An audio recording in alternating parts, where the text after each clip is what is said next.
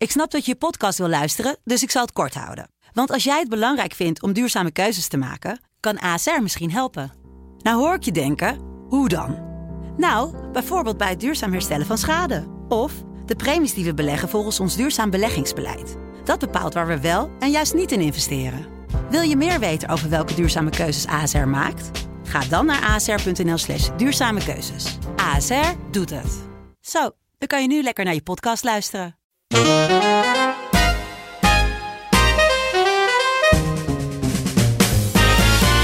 Dit is Bonte Was Podcast. Uw favoriete wasprogramma over media misses en opstekers. Ik ben Wansi Muller. En ik ben Zoe Papa Economo.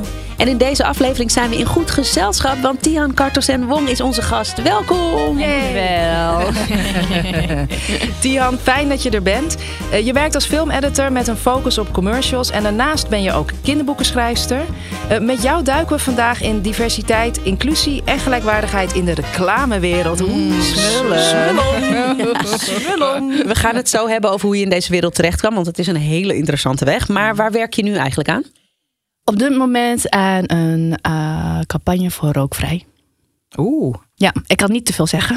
Oh, ja, dat, maar dat is altijd zo flauw. Ja, ja, dat is heel flauw. Maar ik weet namelijk ook niet wat ik mag en wat ik niet mag zeggen. Dus beter dat ik dan niet te veel ga zeggen.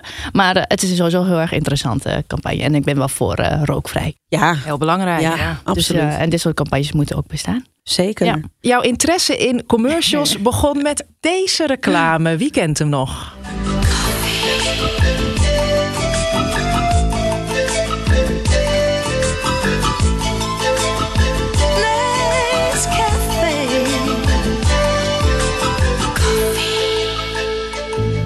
Nou, we horen nu een prachtige pamfluit. Was heel erg in in die tijd ook. Uh, maar wat, wat zien we in deze reclame?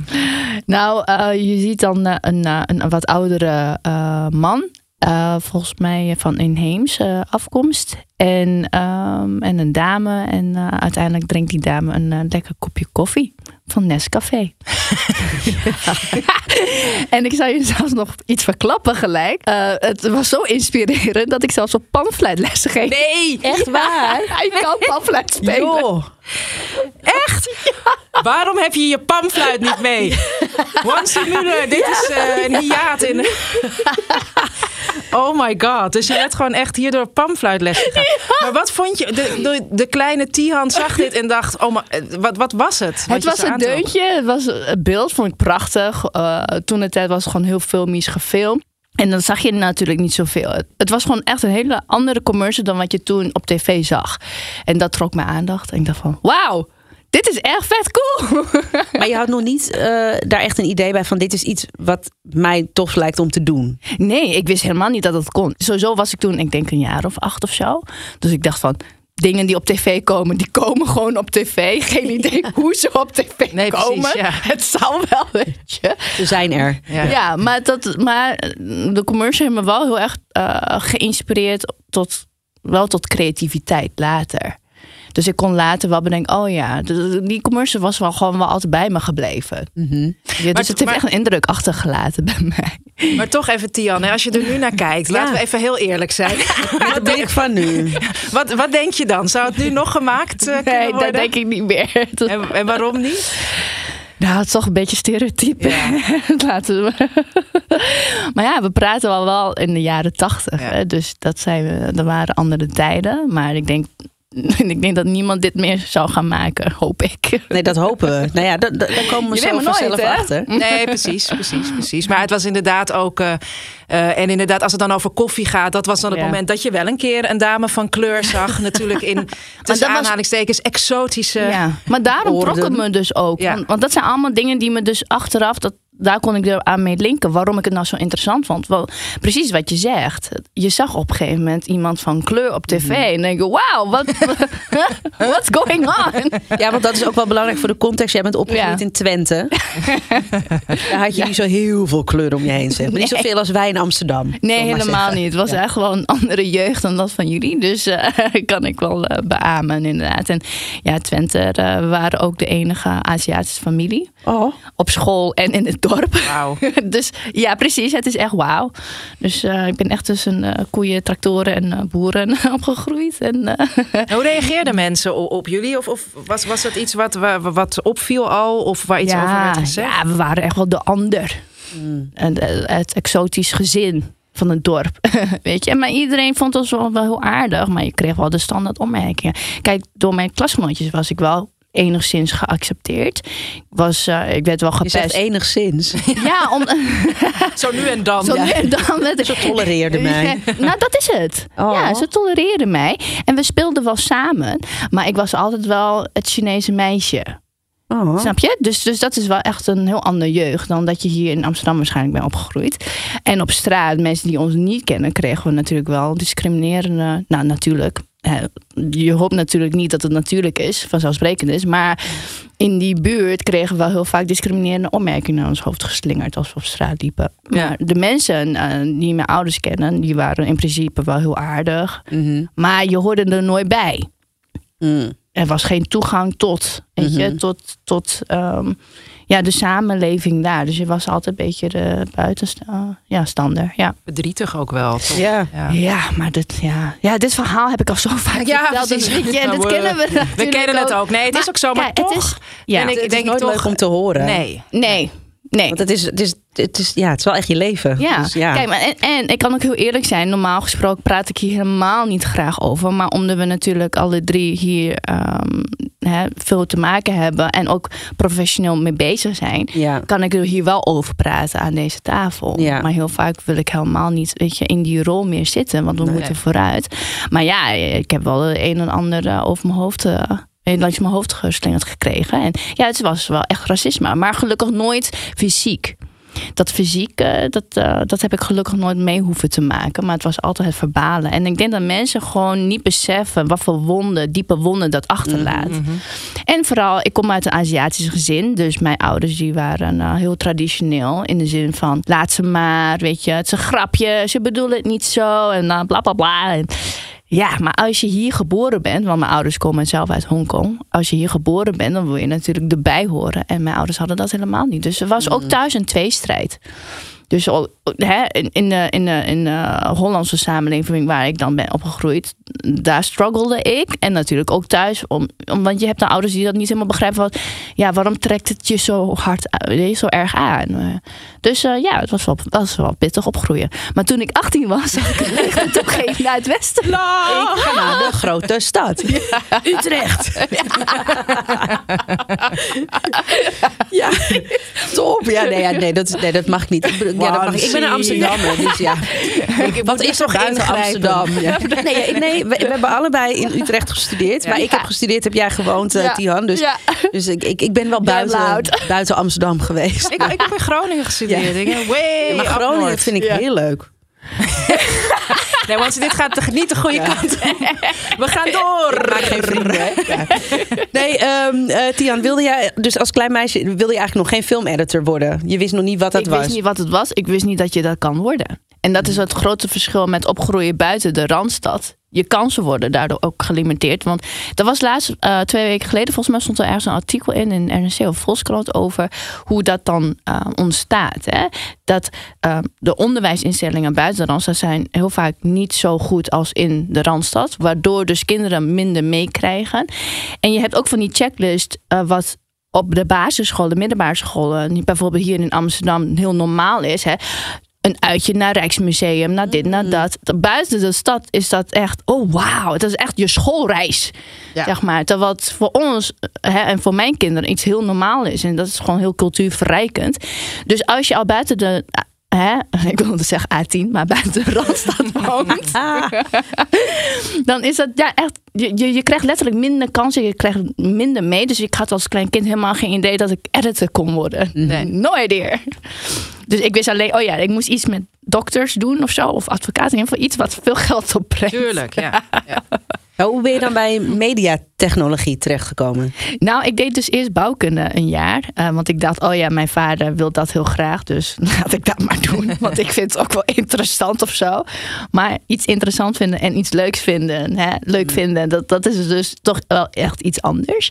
En ik had zoveel moeite mee in mijn eerste jaar. En ik dacht op een gegeven moment, wow, waar ben ik mee bezig? Dit is helemaal niet wat ik leuk vind. En, uh, maar ik was altijd wel heel goed met computers. En, um, en ik was creatief. Dus toen zag ik, uh, kreeg ik een keer een flyer over mediatechnologie aan de Hogeschool van Utrecht. En ik dacht, oké, dit lijkt me wel wat. Dus toen heb ik die overstap gemaakt. En ik durfde niet eens tegen mijn vader te zeggen. Ja. ik had me al ingeschreven. En ik denk twee weken voor de school begon, zei ik echt tussen neus en lippen door, uh, ik zit niet meer op bouwkunde. Oh, dat hij eigenlijk geen kans meer had om er wat van te vinden. Slim. Ja. Ik was echt doodsbang. Maar hij vast eigenlijk heel goed op. Hij zei, ja, ik vond het al raar dat je niks met computers deed. Hæ? Hoe kan dit? Gelukkig. Maar ja, dan, dan zo zie je maar weer dat ouders kennen hun kinderen best wel goed. Meer dan dat je dat zelf beseft. en hoe was die opleiding, zeg maar? Wat uh, was dat? Wat Hartstikke reuk. Echt? Top. Het was nou. totaal niet wat ik had verwacht. Ja. ja, het hadden namelijk geadverteerd. Hè? Daar komt hij, de marketingkant van de HVU. Ja. Um, 50% techniek en 50% creativiteit. Nou, in de praktijk was 90% techniek, dus veel programmeren en zo. 10% creativiteit. Mm. Dus ik zat ook niet op mijn plek. Maar ik heb het wel afgemaakt met heel veel moeite. dus uh, ja, want ik zou het papiertje halen. En uiteindelijk is de technische kant wel goed van pas gekomen.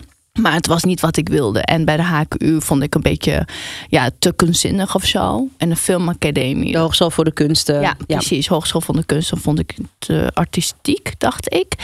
En um, ook weer dat stemmetje van mijn ouders van... moet je dat nou doen?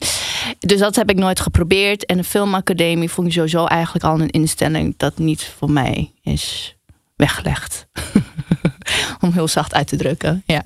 Hoe ben je dan toch terechtgekomen bij filmeditor zijn? Ja, nou in uh, mijn derde jaar van uh, mijn uh, studie moest ik stage lopen. Um, en ik wist toen de tijd al wel dat ik iets met audio-video wilde doen. Want dat kregen we dus op school. hè, aan de hogeschool kregen we dat wel eens mee. Colleges en zo. Ik van, oh ja, dat is wel interessant. Dus ik dacht, nou, ik wil wel kijken wat ik daarin kan doen. En toen moest ik ook heel erg denken aan een Nescafé commercial. Daar komt hij. Ja, daar is hij. De panfluit. Daar was hij weer. Daar is hij. Ik dacht van, oh, hoe wordt zoiets gemaakt dan? Dus ik ging dus heel erg opzoeken hoe, hoe dit dan ging. En ik had ook al wat marketingvakken gehad. Dus ik, ik kreeg al zo'n gevoel van, misschien is de reclame wel iets voor mij. Dus zo kwam alles een beetje bij elkaar. En toen ging ik een stageplek zoeken. En um, kwam ik terecht bij Van Walbeek, et cetera. En volgens mij heet ze nu et cetera. En um, een bureau in, uh, in Amsterdam. Mhm. Ja, echt een, uh, een Hollands heel ja, oud bureau. Ja, ja ik, wou, want ik, ik, ben meteen benieuwd. Want ik bedoel, ik, mijn eerste, dat was ook een stage, was ooit bij AT5. En ik bedoel, er waren re, hè, redenen waarom ik hier ook nu weer met jullie zit, waarom ik de journalistiek inging. Maar niks had me kunnen voorbereiden nee. op wat ik daar aantrof. Hoe was dat voor jou, Tian? was heel interessant. Um, ik was uh, volgens mij echt de enige persoon van kleur, als ik me zo goed kan herinneren. Uh, op een gegeven moment heb ik een, een, uh, een goede vriend van me daar ontmoet. Um, het klikt heel erg en uh, hij is een mix, maar dat zie je niet echt aan hem. maar ja, ik kreeg wel van die vraag van, uh, oh, kan je nou ook kung fu? Oh, mijn gunst. oh, mijn gunst. En, oh, heb je ouders ook een restaurant? echt die standaard vragen die ik kreeg. Oh, waar kom je echt vandaan? ik was, het was echt dag in, dag uit zo. Ik dacht van, wow, wow, wow, wat is dit voor iets? Maar dat was dus voor mij de eerste keer dat ik echt um, op de werkvloer zat en meedeed. dus ik, ik, niemand kon me daarop voorbereiden, want ik heb nooit echt gewerkt in die setting. Ik heb wel gewerkt bij mijn ouders, maar dat is totaal iets anders. Uh -huh. um, dus dit was heel erg uh, anders. en, en hoe was het ook? Want uh, ja, weet je, op een gegeven moment dat. Dat herinner ik me ook nog van het begin was ik heel erg overrompeld door heel veel dingen. Yeah. Maar op een gegeven moment ja, ging je ook heel, dacht je echt, maar waarom worden deze verhalen zo gemaakt? En mm. waarom gaan we nooit daar naartoe? Mm. Toen, toen begon ook echt wel die blik bij mij steeds sterker te worden. Ik durfde mm. me er nog niet altijd over uit te spreken. Nee. Maar was dat iets wat bij jou ook al meteen opkwam of duurde dat even? Nou, zeg maar de media, hoe media werkt, duurde bij mij wel even. Want ik was veel meer bezig met uh, niet het monteren van commercials, maar meer van um, monteren van presentaties die tijdens zo'n uh, pitch of zo werd gebruikt. Ah, en zo, oh ja. weet je. Dus je bent ja. wel bezig met het merk, maar niet met de output van een merk. Precies. Dus veel meer intern. Uh, maar voor mij eye-opener was dus um, dat ik alsnog de ander werd gezien. Dus ook op zo'n werkvloer niet werd geaccepteerd. Dus het zijn natuurlijk allemaal gevoelens wat je altijd mee hebt genomen van jongs af aan. En dat dat dus niet verandert, weet je wel. En um, wat ik vooral merkte aan mezelf is dat, um, ja, dat ik daar echt wel mee zat. Mm. Dat ik zo anders werd gezien en niet geaccepteerd. Weet je? En dan ben je ook nog maar de stagiaire. Ja. Dus ik dacht van oké, okay, zo begint het. Zo werkt dus de, het cultuurtje. Dus ik heb geproefd wat de reclamecultuur was in die tijden. En ik, toen wist ik, oké, okay, ik moet me echt hard maken als ik hier echt iets mee wil doen, als ik in deze sector wil blijven. Je bedoelt toughen up? Ja, toughen up. Okay. En dikke huid. Ja, ja dikke huid creëren, weet je wel. En, mm. um, en je wil natuurlijk wel van je afbijten, maar je, maar je zag ook wel gelijk gewoon, hè, uh, in dat bureau was, uh, wat ik me nog kon herinneren, was best wel hiërarchisch. Dus je, mm. je zei ook niet zomaar snel dingen, je durfde niet. Um, hè, uh, je voelde je onzeker nog. Dus het was voor mij echt wel ja, eerste keer op, op de werkvloer. Dus uh, ik heb het allemaal ook een beetje op me genomen. En dan gewoon heel goed nagedacht. Oké, okay, wil ik dit? En, uh, maar ik vond wat ik deed qua werk vond ik zo leuk. Het maken van films en video's en, en, en gewoon bezig zijn met de camera. En dat heb ik nooit eerder gehad. En toen dacht ik, oké, okay, hier wil ik echt mee verder. En was het dan was het makkelijk carrière maken in de, reclame, reclamewereld? Totaal niet. Um, nee, toen ik klaar was met mijn studie, toen ging ik um, solliciteren. En ik was vrij hoopvol. Van, oh ja, nou, ik heb in, uh, tijdens mijn studententijd heel veel dingen gemaakt. Dus ik dacht van, nou, voor een stagiaire... Uh, nou, ik kan dit wel. Mm -hmm. Dus ik heb allemaal brieven uitgestuurd en uh, mensen opgebeld uh, in de Nederlandse reclamesector, allemaal in Amsterdam. En um, of ze werden niet beantwoord, of ze kregen vragen van: Oh, is je Nederlands wel goed genoeg? En zo ja. super stereotyp antwoorden en acties. En, um, dus ik had heel veel moeite. Ik heb echt letterlijk honderden e-mails gestuurd en brieven. Hoi. Ik heb echt heel wow. hard geprobeerd, echt maandenlang. En dat lukte niet. Dus toen ging ik in die tussentijd iets anders doen. Um, via via kwam ik bij een bureau terecht waar ik, niet een bureau, maar een uh, bedrijf terecht waar ik de marketing deed. Dus dat heb ik een jaar lang gedaan. En in de tussentijd wel geprobeerd te solliciteren. En um, ik wilde eigenlijk al uh, tijdens mijn studententijd zag ik ooit een Adidas commercial met Mohammed Ali erin. En dat was voor mij zo super freaking vet. Ik dacht van oké, okay, ik wil ooit bij dat bureau werken. Dus um, ik ga toen de tijd al uitzoeken waar het was. En was toevallig in Amsterdam. Ik dacht van, oh ja, super cool, super cool. Welk bureau was dat dan? 180. Oh, 180 ja. Amsterdam. En ik dacht bij mezelf van, nee, daar ben ik nog lang niet goed genoeg voor. Dus ik ga dat niet doen. Uh, maar ja, na zoveel afwijzingen hè, dacht ik, nou weet je, ik ga het gewoon proberen. En waar Rempel, ze hadden me opgebeld. Ik zei van, nou, hoe kan dit? En ik werd ook nog aangenomen. Nice. Dus ja, dat was echt zo fantastisch. Dus, dus terwijl ik probeerde bij echt een, Nederlands bureau... een internationaal bureau met, zo, ja, met dat allure nam mij serieus. En dat was echt te gek. Dus, uh, wat, wat, waar denk je dat dat dan aan ligt? Dat een internationaal bureau nou, dat... Echt aan mijn naam. Ze hebben gewoon geen drempel meer dat, dat ik een ander naam heb. Mm -hmm. dat, dat linkt tussen niet aan mijn cultureel achtergrond of aan mijn skills. Ja. Ja. Ik was gewoon een persoon, ik had een portfolio en, en daar keek ze naar. En bij uh, toen de tijd heel veel Nederlandse, Hollandse bureaus um, zagen ze mijn naam al. En het was toch een beetje angst of zo. Nou, ik vind het dus, ja, weet je, het is natuurlijk niet verrassend. En ik weet, nee. ik, en ik zag onlangs dus ook weer iemand, en was overigens trouwens ook zelf iemand uh, met een biculturele achtergrond en met een naam die niet zeg maar Pieter Vries is. Ja. Die, en ik snap het wel ergens, die adviseerde mensen ook om altijd even te bellen. Dat is sowieso een advies wat je vaak krijgt ja. als je solliciteert. Bel ook even naar het nummer dat erbij staat. Ja. Maar vooral ook om specifiek te laten horen dat je Nederlands spreekt. Ja, dit is voor mij natuurlijk ook, ook, wel herkenbaar. Maar het is wel. Ik vind het zo pijnlijk. Dus ik wil toch eventjes mm -hmm. aan alle werkgevers. Ja, dat is dan toch weer het voordeel van... Ik heet Muller, hè? En met ja. onesie, je weet niet of je een man of een vrouw krijgt. Ja. Dus, dus ik heb dat gelukkig ook niet Mevrouw Muller. Ja, ja, je- ja je- dan denken ze een Duitser. Maar ik weet van mijn vriend Surinamer. En eh, Surinamers hebben natuurlijk vaak een soort Nederlandse achternamen. Dat hij dan ergens kwam. En dan was het. eh, Oh, oh, ik had iemand anders verwacht. ja, pijnlijk. Dus, eh, dus, dus ik, ik weet dat het gebeurt. Ja. Maar ehm, Nou, ik vind het mooi hoe je het beschrijft. Is dat, het, dat daar wil je gewoon zo graag van af. Eh, Want het is natuurlijk ook. eh, en het is bewustzijn bij werkgevers dat dus. Wij leven in Nederland, beste werkgevers, met heel veel mensen met heel veel verschillende type namen. Je Ja. kan ervan uitgaan dat als iemand solliciteert Ja. op iets wat duidelijk ook misschien een functie is waarvoor je Nederlands moet spreken, Ja. dat ze Nederlands spreken. Ik vind het zoiets geks. het is echt apart. En het want, is want over ook- wanneer hebben we het? Hoe, hoe lang geleden is dit? Eh, het, even kijken, rond 2005. Ja, dit is dat nog steeds. Nee, maar het is nog 2004, steeds zo. 2005, Ik bedoel, wat ik je nu, net- jullie net vertelde, die tip, dat was onlangs. Hè? Ik bedoel, ja, dit is gewoon nog steeds dat mensen denken.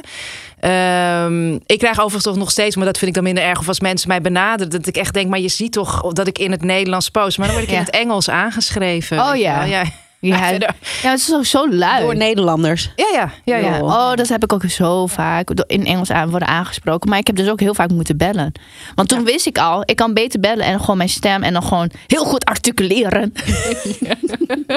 maar dat is toch schandalig dat je dat moet doen. Het is gewoon keer op keer bewijzen. En dat is ook een van de redenen waarom ik dus nooit naar de filmacademie ging. Want ik had al zo'n voorgevoel. Dan moet ik me weer bewijzen dat ik niet alleen goed Nederlands kan en, en, en dat je geïntegreerd bent en whatever that means. En, weet je, maar eh, dat je ook kundig genoeg bent eh, voor een creatief beroep.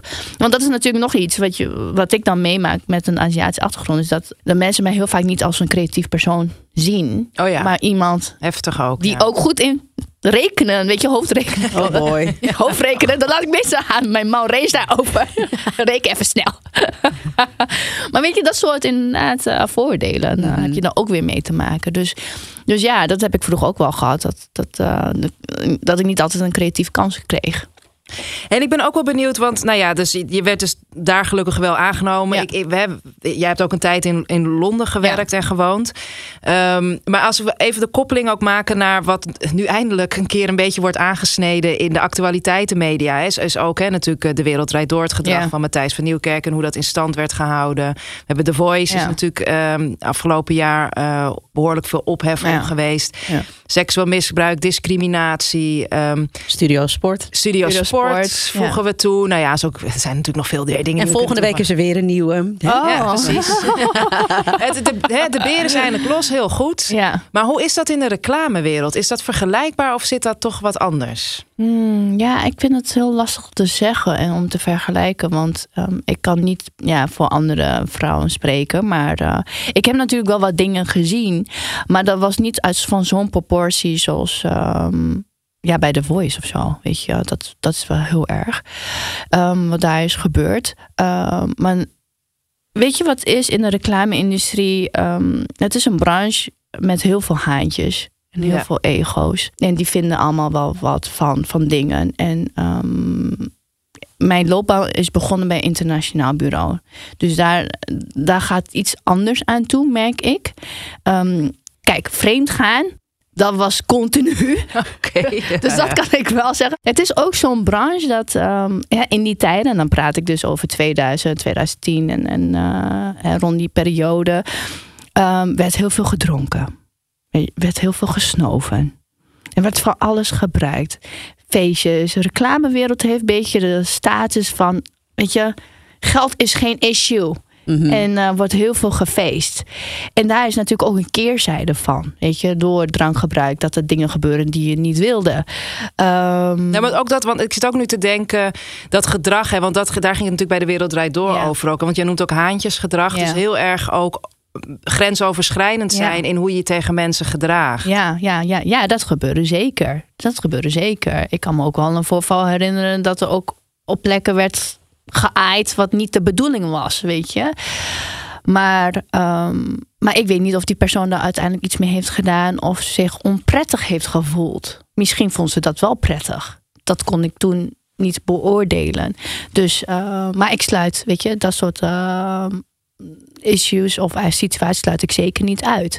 Omdat je weet dat er heel veel wordt gedronken, gesnoven toen de tijd. Nu eh, denk ik dat iedereen wat meer bewust van is geworden. Juist door dit soort uh, voorbeelden die naar buiten zijn gekomen. Um, heel erg aware. En ik moet je ook wel zeggen dat de reclamebranche is ook wel heel erg vooruitstrevend. Als je kijkt naar de journalistiek of krantenwereld, tv, um, uh, de reclamewereld die, die, die kan echt heel snel een omwisseling maken naar iets beters. Mhm. um, dus als je bijvoorbeeld vergelijkt met diversiteit en inclusie met de filmwereld, daar is het gewoon echt. Daar gaan we het zo nog even over hebben, want er is een hele, uh, nou ja, denk ik, toffe serie over uh, ja. verschenen pas. Maar ja. um, uh, nog heel eventjes over, nou ja, jij bent editor, je zit eigenlijk aan het eind van het maakproces. Ja. Hoe kan jij dan toch invloed uitoefenen op het eindproduct? Nou, ik, ik, ik, ben dus inderdaad editor, dus meestal heb ik geen invloed voor wat er is geschoten. Maar ik heb natuurlijk wel invloed van wanneer iets, wat ik selecteer en wat ik laat zien aan een creatief team of aan een regisseur, hè, met wie, mensen met wie ik samenwerk. Ja. Um, en nou, die selecties is natuurlijk heel erg belangrijk. Of alleen al wat ik selecteer en hoe ik dat balanceer als je bijvoorbeeld hebt over mensen van kleur, dat ik wel genoeg zendtijd geef aan elk persoon. Dat zijn natuurlijk de, de, de dingetjes waar je als editor rekening mee kan houden. En ik denk dat je uiteindelijk altijd invloed hebt, alleen al door je uit te spreken. Ik heb wel een voorval gehad waarbij iemand zei: Ja, we hebben al genoeg vrouwen met hoofddoekjes hoor. En er was precies één vrouw. Ja, ja dat is commercial. Genoeg, ja. Check. Ja, hoofd toch? Ja, yes. ja het was uh, precies. Ja, het is echt uh, ja, het is zo tenenkrommend. Maar goed, ik zei dat dus op dat moment wel wat van. Oh, kunnen we even een ander soort taalgebruik gebruiken? Want dit is echt niet zo tof. Mm -hmm. Dus, dus wat dat betreft kan iedereen zich uitspreken. Het is alleen de vraag of je ballen genoeg hebt. Maar ik was al in zo'n positie dat ik kon doen, want ze hadden ook geen andere editor. ja, precies. Use your power. precies. Ja, nee, maar zeker. En ik. En ik ben ook niet bang dat ik gewoon geen baan heb. Mhm. Mm -hmm. Want dat snap ik wel. Als je in een bedrijf ja. zit, weet je, en je, en je hebt een bepaalde positie waarvan je echt angstig bent dat je je baan kwijtraakt, ja. dan snap ik wel dat je je dan terughoudt en niet alles durft uit te spreken. Maar ik heb echt de, ja, gewoon scheid aan als het gaat over racisme en ongelijkheid. Weet je, because it's just not okay. Punt. Er is gewoon geen discussie over mogelijk. In wat voor sector je eigenlijk werkt. Um, maar ik ben dus freelancer, dus ja. Weet je, dus I, I don't give a shit. maar ik merk wel, vooral tijdens uh, toen ik uh, meerdere keren heel erg heb uitgesproken over LinkedIn, um, dat sommige mensen me ook niet meer hebben gebeld om te werken. Dus ja, dat is een. Het heeft wel effect. Ja, ja, ja, het heeft wel effect. Ja. En, maar wat denk je dat dat is dan? Vinden ze je lastig of zo? Ja, ik denk dat, oh ja, zeurderig iemand. Of te woke. Oh ja, dus een beetje aanstekens. Ja. Hoe woker, hoe beter. Ja, yes. dus ze zien er helemaal niet de positiviteit erin. Dat um, als, juist als je met zo'n persoon werkt, dat je, dat je je eindproduct juist beter wordt. Mhm. Mm -hmm. Want je hebt verschillende perspectieven. Zeker. Dus uh, ja, dat, is, dat was wel heel lastig. Ja. Dus nu heb ik dat gelukkig wel iets minder. Omdat we ook nu in een beweging zitten naar uh, dat mensen ook wel willen veranderen. Niet iedereen. Maar uh, met veel mensen met wie ik werk, die willen het wel. En die hebben er ook oren naar. Ja. Want dat lijkt me natuurlijk lastig. Jij kan wel, uh, je, uh, jij kan wel je mening geven en zeggen van dit is niet oké okay, jongens. Maar dat hebben Zoe en ik ook wel eens meegemaakt. Ja. Dat we een workshop gaven aan mensen die super in hun weerstand zaten. Oh ja. Ja, daar heeft niemand zin in natuurlijk. Ja. ja. Dus je, je moet wel met mensen werken die ook... Ja naar voren willen. Ja, maar dat, dat is het dus wel een voordeel in de reclamebranche. Er is zeker weerstand. Maar die weerstand voel ik minder als je bijvoorbeeld bij Talpa zit. Ja, precies. Of bij RTL 4. Hè? Het echt tv-wereld. Of bij een filmproductiehuis of whatever. Weet je? Zo conservatief. Nou, dat is het dus. Dus dan merk ik wel de open-mindedheid uh, open in de reclamebranche. Dat is wel voelbaar. Mensen willen wel. Maar ik zeg niet dat er geen struggles zijn. Hè? Nee, Laten we dat even duidelijk zijn. Nou, maar, misschien is dit een mooi moment om eens even door te pakken naar het uh, hardnekkige vlekkenkwartet. Ja, ja.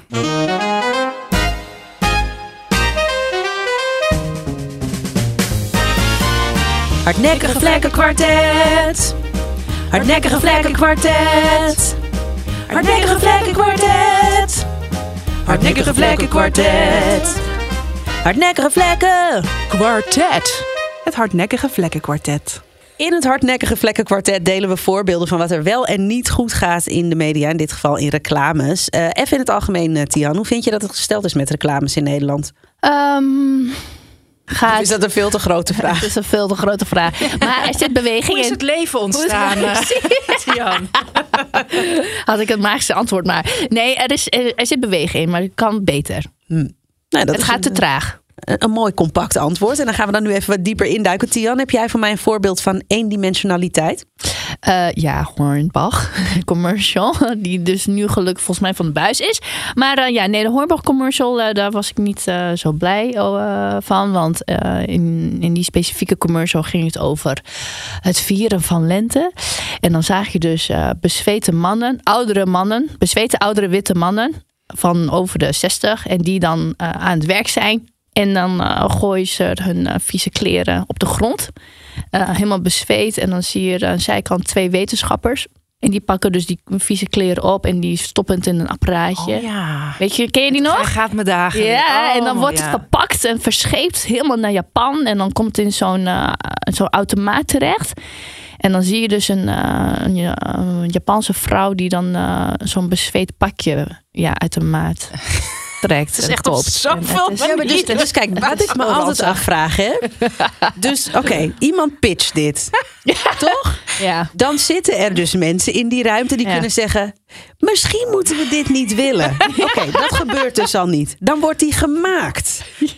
De mensen die eraan meewerken zouden ook op enig moment kunnen zeggen... misschien moeten we dit niet doen. Gebeurt niet. Hij wordt gemonteerd. Dan zeggen dus mensen... top man, dit. Top. Ja, echt leuk. Leuk, hilarisch. Dit oh, is dit is zo- zo grappig. Zoveel momenten in dat proces dat je kan zeggen... dit moeten we niet willen met z'n allen. Ik begrijp dat echt nooit. Ja, maar als je dus niet mensen hè, met een ander perspectief hebt of met een andere achtergrond die, daar dus, die dat dus vindt dat het niet oké is en wordt niet aangekaart, dan gebeurt er dus precies niks en wordt het gewoon keihard gemaakt. Nou ja, en dus de mensen, want dat vind ik ook. Weet je, het mag ook niet alleen maar de verantwoordelijkheid zijn van mensen die op, op allerlei verschillende Nee. perspectieven binnenbrengen. Dus ik vind ook wel echt dat je wat basiskennis moet hebben. En zeg maar, een bezweet shirt van een witte man naar een dame in Japan sturen. Het is echt zeg maar, en op racistisch vlak Ja, en op seksistisch vlak. Gewoon Gadverdamme. Je vroeg al maar Het is eigenlijk het is driedimensionaal fout. Nee, dit is toch, dit is, dit is, ik, maar dat gebeurt zo vaak dat je iets ziet en dat je denkt, hoe, in, waar, Hoe waarom is er in dit proces gewoon niemand geweest die heeft Ja. ingegrepen? Nou, het bijzondere ervan is, is dus eh, de reclamecodecommissie, onder andere in Hongarije, want elk land heeft dus zoiets. Ze kregen dus heel veel eh, klachten binnen over. over Hongarije? Ja, en, en volgens mij was het in Hongarije. of all places. volgens mij was het in Hongarije, maar dan moet ik even factchecken. Eh anyway, een van een land in Europa en die zag het en die kreeg dus heel veel klachten en ze hebben dus eh, de commercial van de buis gehaald. In Nederland daarentegen werd ook geklaagd, onder andere ook door mezelf. Ik heb een eh, klachtenformulier ingevuld. En ehm, uitslag daarvan, eh, het is, wat zeiden ze nou ook alweer? Oh ja, het is niet racistisch. De commercial heeft geen. het is niet racistisch bedoeld. Het is, het is hooguit onsmakelijk. Nou ja, je vraagt je natuurlijk ook af, Maar wie zit in die reclamecodecommissie? Ja, Nou, maar, maar- dit is zo ja. Nederlands. Oh, dit vind ik echt zo Nederlands. Het is heel Nederlands. Ja. Oh ja, maar het, is natuurlijk onsmakelijk. Ja, Maar precies. het mag wel. Ja, Dan denk precies. ik, ja, nee, dan, zeker in een codecommissie mag je al helemaal wat training Ja. hebben in wat. Zo. Er schiet me trouwens nu iets te binnen. Sorry, moet ik er even tussendoor gooien. Ehm, en het is grappig, want dat, dat, een vriendin van mij die dit deed, die weet dat die ook heel vaak luistert. Dus hallo, je weet wie je bent. Nee, die eh, vriendin van mij, dat is echt eh, zeker 15, 20 jaar geleden. Die werkte bij een soort bureautje wat, ehm, eh, hoe heette dat nou, klankbordgroepjes deed voor reclames bijvoorbeeld. Of ja, het heet anders waarschijnlijk, maar vroeg ze natuurlijk ook iedereen uit haar eigen netwerk. Dus dan kreeg je dan een brief envelopje met 25 gulden. Ehm, en dan ging je, moest je eens kijken en je mening erover geven. En ik kreeg toen, weten jullie hem nog? Nou, dit moet ergens dus in de jaren du- eh, nul zijn. Dat was van Calvé. En dan zag je een zwarte dame met billen, zeg maar, zag je zo dansen. En dan party of zoiets dergelijks. En, dan- en ik vond, ja, ik kon het toen nog wat minder goed benoemen. Maar ik dacht echt, nee, volgens mij niet zo'n goed plan. Maar ja, dus ik, dus ik ging daar heel erg mijn mening over geven. Ik dacht nog naïefelijk, nou, Ja, heeft een effect. invloed. En ik vond het ook gewoon flauw en niet leuk. Maar het kwam natuurlijk, ik zeg maar, een paar maanden later Op de buis. op de buis.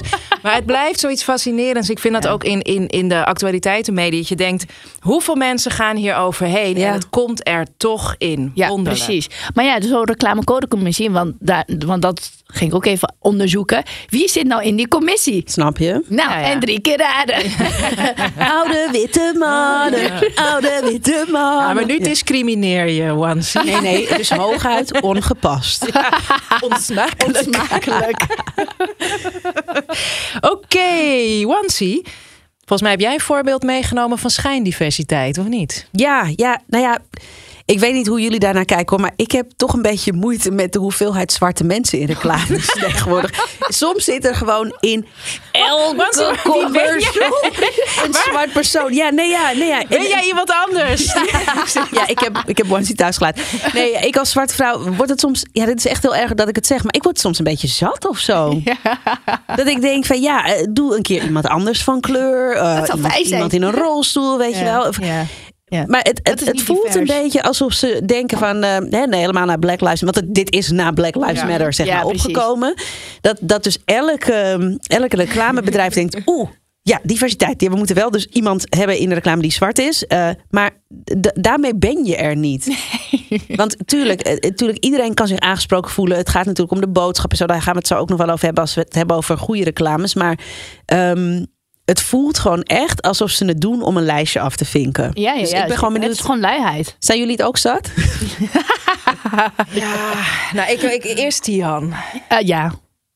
Ik ben zat omdat ik weet hoe het werkt. Hmm. Omdat ik weet hoe, hoe, hoe dat zeg maar eh, zo op tafel is gekomen, dat idee. Het is gewoon heel, pure luiheid. Weet je hoeveel er mensen zijn hier in Nederland met een Aziatische achtergrond? Meer dan 1 miljoen. Ja. Waar zijn wij? Ja. In godsnaam. Op Ja. tv. In talkshows. In reclames. Het zijn echt heel weinig. En dat is het dus. De, de makers van commercials, die willen dus iets goed doen. Die denken, oh ja, we hebben diversiteit nodig. En maar bij hun is het letterlijk zwart-wit. Ja. Ze komen niet verder dan zwart-wit. Het is echt heel... En dat voelt dan gewoon niet goed eh, aan. Het komt niet goed over. Het is niet authentiek. Ehm, ja, ga zo maar verder. Nou ja, kijk, wat ik er wel goed aan vind. Dat was vlak voor corona en dus Black Lives Matter. Dus er was ook toen nog een heel goed stuk eh, van NRC. Ik duik hem wel even op van. eh, ik dacht Oh, dat ja. het NRC was voor de show notes. Misschien hebben we hem toen ook al wel genoemd. Zo lang lopen we al, Wansie. maar ehm, dat ging dus over dat er net genoeg diversiteit dan in de reclame zat. Dus dat was een niet al te een beetje lichtbruin tot bruin Raciaal iemand. ambigu. Ja, dat. Oh my god. Met, met wel een beetje afro of in ieder geval Ja. veel krullen. Dat, dat was echt het standaard type wat je zag. Ja, Dus ik vind wel dat je nu ook bijvoorbeeld af en toe een heel zwarte man Ja. en gewoon allerlei verschillende kleuren, Ja. laten we zeggen, tussen van zwart tot Ja. bruin. Ja. Maar dat, dat is wel een beetje beperkt. Ja. Nee, daar ben ik het helemaal mee eens. Ja. Van, ehm, dus daar, dat vind ik ook. Maar ik denk toch liever. eh, de- ik, ik, ik denk dat het zoekende is. Maar de- nu mag het wel wat breder in de. Het mag voor mij eigenlijk al lang breder. Ja, Want nee, je al had. Nee, natuurlijk wel toen- Ben Commercial, want daar hadden we Ja. ook natuurlijk over gehad. Je had eh, in de jaren eind 90, 2000 had je Ben Commercials. Die waren Die abris, steengoed. en die waren heel erg divers. Ja. Ja. Dus het kan, het, het lukt ons blijkbaar wel. Ja, Ja, het heeft altijd al gekund. Ja, wie zat daar toen dan? Hè? ik weet welk bureau dat was. Dat was eh Kessels Kramer. Zij waren heel erg vooruitstrevend toen. Ja. Ja.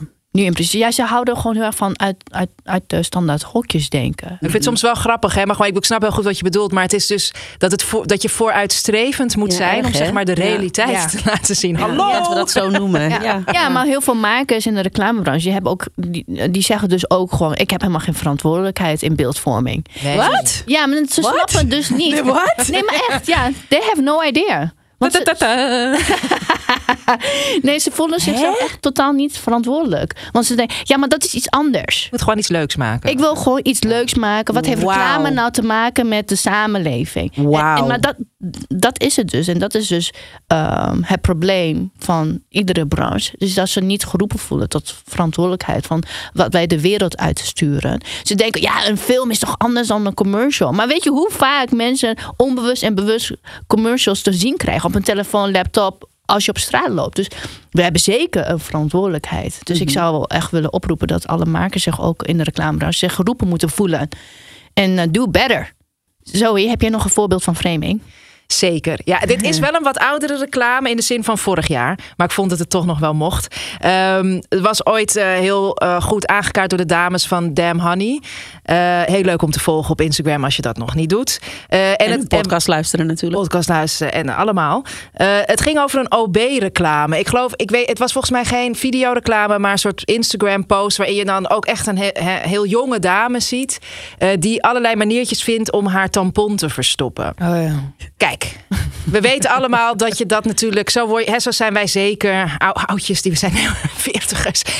zo word je wel een beetje opgevoed. Maar dat vind ik het. Het is echt een heel jong meisje. Nou, ik ben al ongesteld vanaf mijn elfde of zo. Maar dit is gewoon wat je meekrijgt. Het is iets om je voor te schamen eigenlijk. Ja, je moet iets het verbergen. Je, je moet het verbergen. Dus Tuurlijk, het is een realiteit. Maar dat je daar zo'n groot... Ik was echt teleurgesteld, want. OB is mijn vaste tampon. Ja, precies. het voelt echt alsof... Boycotten. Ja, ik, ik, vind alle andere tampons ook vervelend. Dus ik kan ook niet zo goed iets anders. Maar nee. ze, ze, hebben wel, moet ik ze nageven, hierop gereageerd. Goed, oh, ja. en ze hebben het aangepast ook. Maar dit vind ik zo... Als je het over framing hebt, om daarin mee te stappen. Van laten we lekker weer een nieuwe generatie jonge dames... Op, en mensen met een baarmoeder opvoeden met... Hè, verstop het lekker. Nee, het is gênant gesteld is niet goed. Dus ik vond het toch lekker om deze even te benoemen. Ook om de ja. revolutie. Wat was gewoon in 2017. Ik heb het nog naast. Was het revolutionair 2007? Ik zeg het nog een keer dat we rood rood bloed zagen of een rode vloeistof. Rode vloeistof, ja. Want tot die tijd was oh, het blauw. Ja. ja. Wauw. maar dus dat, dat zegt voor mij dat mannen dit hebben bedacht, of ja. niet? Ja, ja, ja, dat moet wel. Nou ja, en je stapt denk ik ook, uh, want dat heeft overigens jouw partner Reza Kartos en Wong heeft dat ook altijd mooi gezegd, ook over bepaalde mediawereld. Die zegt bepaalde redacties, hè, die programma's maken van daar zitten dan wel heel veel vrouwen op de redactie, maar die zijn in bepaalde frames gestapt die er al waren en reproduceren dat ook weer. Ja. Mm -hmm. Um, en, en, ongesteldheid is nog steeds. Uh, ik doe het nu zelf trouwens als ik lees op mijn plek. vind het heerlijk om het daarover te hebben. PMS en ongesteld. ik gooi er allemaal lekker in.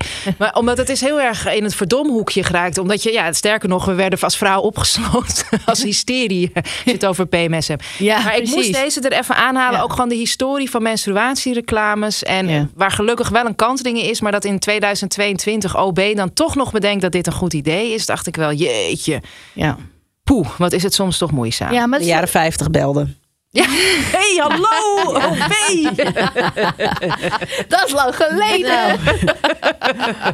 nou, zullen we nu maar een paar top... Oh, nee, sorry, Tian, jij wilde nog even. Nee, nee, nee. Wat, het is precies inderdaad wat je zegt. Dus dat vrouwen in meegaan met, met een dergelijk denkwijze zoals dit. En dat ze dus ook niet beseffen van... Oh, waar zijn we in godsnaam mee bezig? En, en, en aan de ene kant snap ik ook wel... Je zit natuurlijk zo lang in je vak... dat je dus... Het is heel moeilijk voor die persoon om dan even uit te stappen en te reflecteren... Maar het is gewoon heel jammer dat niemand anders er ook wat van heeft gezegd in zo'n team. Want ja, weet je, dus het hoeft niet per se op de beslissende positie te zijn geweest. Dat nee. het even aangekaart had kunnen worden. Mm -hmm. Zeker. Nee, zeker. Maar ja, inderdaad, ik denk ook maar.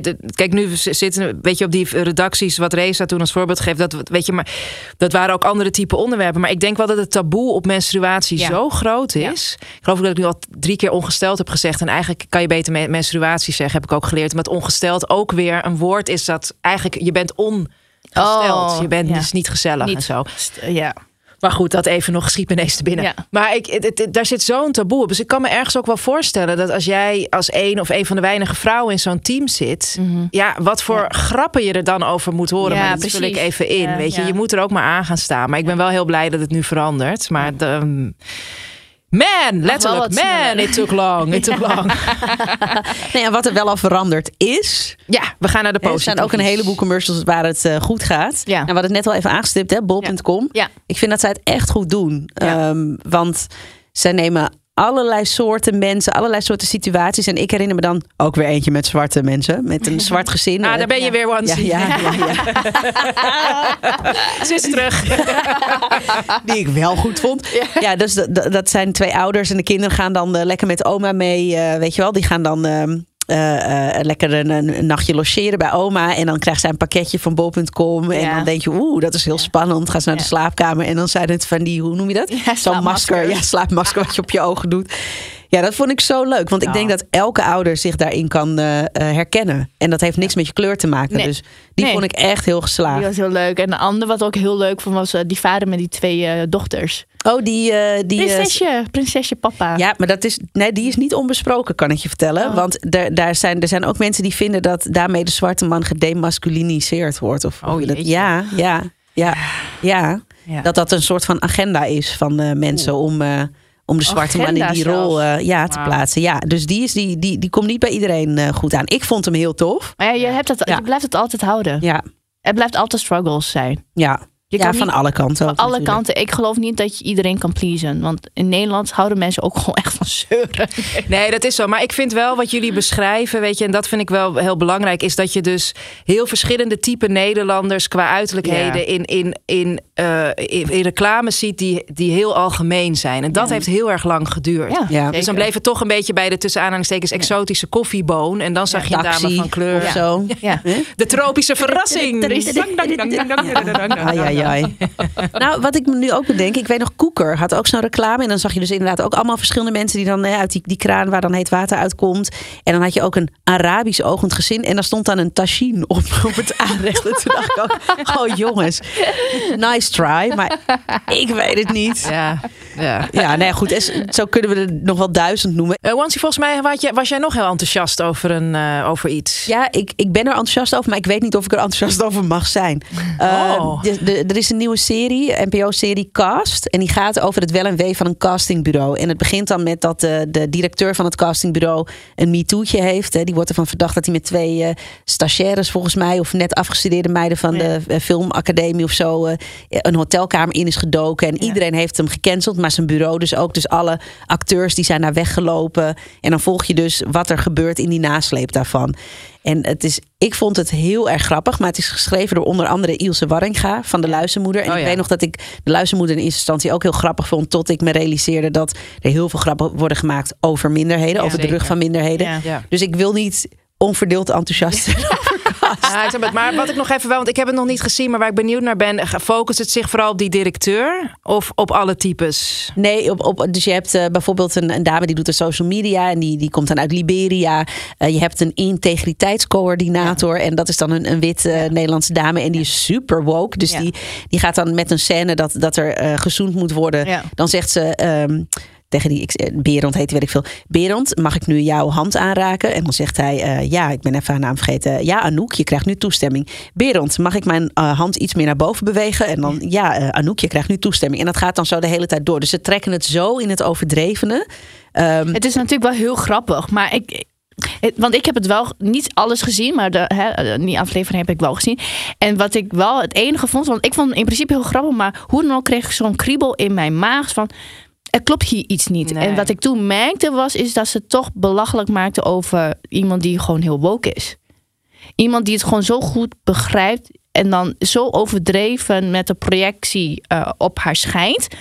Dat het dan weer ehm, naar de karikaturen gaat. En dan denk ik, ja, maar wacht eens even. Dan, dit is dan niet helemaal de bedoeling. ja, dat je toch eigenlijk mensen die... Die uitlacht. ja, ja, die het wel goed willen doen, die Ja. maak je toch ja, weer belachelijk. Ja. Ja, ik, Vind dat, ik vind dat ook ingewikkeld. Kijk, je, je mag natuurlijk alles zeggen in Nederland. En het is hooguit onsmakelijk. Maar ehm, eh, weet je, dus ja, vanzelf. Maar ik denk wel, het is, het is allemaal best wel precair nog. Het zou allemaal grappiger zijn als er al heel veel veranderd was. Maar Nou, dat is het dus. dat is niet zo. Ja. Dus dat, ja. dat is het dus. Dat, dan zou het echt gewoon landen. En nu is het gewoon, eh, oh ja, ze maken weer grappen over eh, een persoon die iets pro- goed probeert te doen. Maar kijk, ik vind het grappig, omdat ik natuurlijk het wel herken Ja, in mijn vak. Mhm. Dus weet je, Ja, dat dus- heb ik van meer mensen gehoord. Ja. Dat het heel herkenbaar Het is heel herkenbaar, dus Ja. dan wordt het wel heel erg leuk. Alleen als je dan indenkt dat iemand die helemaal niks te maken heeft met de filmwereld, die vindt waarschijnlijk, ja, zie je nou wel, al die mensen die zogenaamd het beter weten en zo ook zijn. Ja, dus ik kan ook begrijpen dat dat soort mensen dus dan naar de verkeerde kant worden gestuurd. Nou ja, en, en er gaat dus eh, bijvoorbeeld om zo'n integriteitscoach. Ja, weet je, je kan daar ook van alles van vinden. Maar er gaat dus ook een zweem van belachelijkheid omheen hangen. Terwijl er natuurlijk wel bepaalde dingen echt broodnodig zijn op heel Precies. veel plekken. Precies. En als dan iemand al niet meer serieus wordt genomen, Ja. weet je, dat, ja, dat vind ik er wel jammer aan. Ja. Hoewel ik het ook begrijp. En waarschijnlijk als ik het kijk, vind ik het hilarisch ook. Want Het is ook echt wel, heel grappig. eh, wat, wat we proberen te doen. Ja, wat zij heeft dan ook, een- sorry, toch nog even een scène hoor. Dat ze bijvoorbeeld eh, eh, casting doen voor Willem van Oranje. En dat zij zegt, waarom moet Willem van Oranje een oude witte man zijn eigenlijk? Waarom kan die niet ja, een vrouw zijn of iemand in een rolstoel? Of, en, dan, en dan gaan dus allemaal mensen, dus dan weet ik wel, een zwarte dude gaat, uh, uh, uh, ja, komt op, op auditie. iemand, een vrouw in een rolstoel. iemand, een klein persoon. Weet je wel, dus iedereen. En uiteindelijk gaan ze natuurlijk toch voor die witte man. maar dat is wel, weet je, er worden wel dingen ook bevraagd waar je dan zelf over gaat nadenken. Van, oh ja, ja, ja, waarom kan het eigenlijk niet? dus het, het, ja, maar ik, ja, mm, nou ja, ik weet dus niet of ik er enthousiast over mag zijn. Dat is eigenlijk de conclusie. We, laten de lieftallige luisteraar even uh, nee, achter ja. met... Uh, ja, misschien dat jij, als je nu aan het luisteren bent, uh, in onze DM wil sliden om te vertellen wat jij ervan vindt. Ja, ja. ja. En noem dan ook meteen eventjes je favoriete reclame oh ja. als het gaat oh om diversiteit en inclusie. En waarvan je zegt, nou dat kan echt niet. Ja. Zijn we heel benieuwd naar. Ja. Tihan, ja, we gaan voor jou nog even verder praten straks in een hele leuke bonusaflevering over kinderboeken. Een kortje, even een nawasje nog doen. Eh, maar voor nu, voor deze aflevering, wil ik je ontzettend bedanken voor je komst. Dat je heel er was. graag gedaan was heel gezellig. Ja, dankjewel. In de volgende reguliere Bonte Was uh, podcast dan uh, bespreken Zoe en ik weer media missers en opstekers met z'n tweeën. Dit was Bonte Was podcast. Abonneer je via je favoriete podcast app en laat als dat kan ook een recensie achter. Dat maakt het voor anderen makkelijker om Bonte Was podcast te vinden. Heb jij ook voorbeelden van missers of opstekers in de media? Volg ons dan op Instagram of Twitter via @bontewaspodcast en geef ze daar aan ons door. En word vriend van onze podcast door eenmalig of vaker te doneren via www.vriendvandeshow.nl slash bontewaspodcast. Dag!